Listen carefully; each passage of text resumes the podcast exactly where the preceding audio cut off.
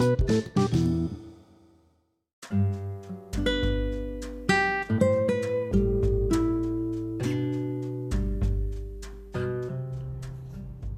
teman-teman, ketemu lagi dengan saya Dieter Nicholas dan kita masih melanjutkan pembahasan kita mengenai pemuritan.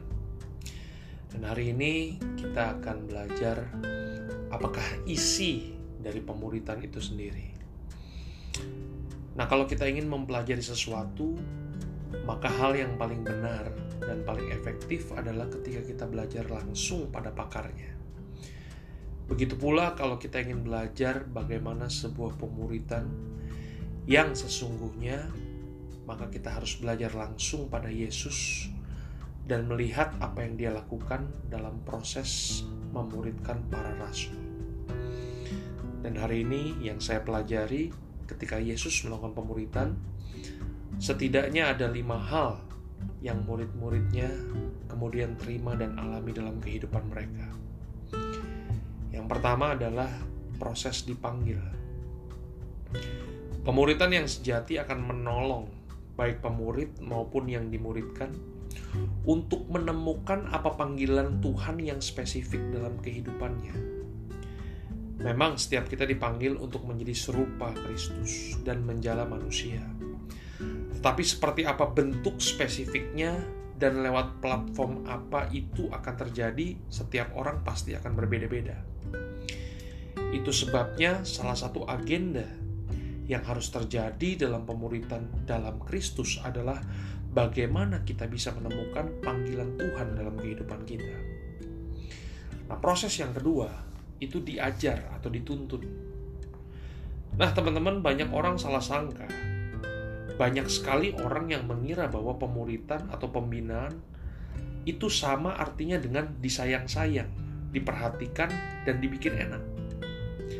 Itu sebabnya banyak sekali anak binaan atau para murid yang memperlakukan pemuridnya take it for granted. Mereka menuntut pemurid atau pembinanya untuk harus caring dan mengejar mereka, seolah-olah para pembina atau pemurid ini yang butuh mereka. Ini adalah cara pandang yang amat sangat keliru. Pemuritan adalah sebuah proses bertumbuh untuk kedua belah pihak itu sebabnya harus ada proses diajar dan dituntun, di mana dalam pemuritan akan ada nasihat, teguran, dan bahkan instruksi tuntunan untuk dilakukan. Orang-orang yang tidak bersedia untuk dinasehati, ditegur, dan diarahkan, dan hanya maunya diperhatikan, dimanjakan, dan dimengerti terus-menerus, tidak akan menikmati kuasa transformasi yang dihasilkan lewat pemuritan. Contohnya Yesus tentu saja sangat mengasihi murid-muridnya. Tetapi justru karena dia mengasihi murid-muridnya, dia tidak mau terus-menerus memanjakan. Dia menasehati, menegur, mengingatkan, dan bahkan menegur dengan keras sebagai bagian dari kasihnya kepada mereka. Nah, proses yang ketiga yang dilakukan dalam pemuritan Yesus adalah dilatih. Pemuritan adalah proses melatih dan menduplikasikan. Itu sebabnya dalam pemuritan yang benar, selalu ada proses di mana pemurid meminta si murid untuk mempraktekkan dan melakukan apa yang telah dipelajari. Pemurid bukanlah orang yang menolong muridnya dengan cara menyuapi, tetapi justru pemurid adalah orang yang menolong muridnya dengan cara melatih muridnya agar mampu mencari makan sendiri tanpa perlu disuapi. Proses yang keempat yang dilakukan dalam pemuritan Yesus adalah diberdayakan. Nah, teman-teman, pada titik tertentu, pemuritan juga akan menjadi sebuah proses di mana pemurid akan memberikan otoritas, kepercayaan, atau kuasa kepada muridnya. Pemuritan menjadi sebuah proses di mana orang-orang yang di dalamnya menjadi semakin powerful dan semakin berdaya guna, yaitu semakin maksimal dalam mengerjakan panggilan Tuhan dalam kehidupan mereka. Nah, proses yang terakhir yang kelima yang ada di dalam pemuritan Yesus adalah diutus. Nah, ini dia. Pada akhirnya, pemuritan adalah sebuah proses di mana terjadi pengutusan. Di sinilah biasanya si murid akan mulai memuridkan orang lain.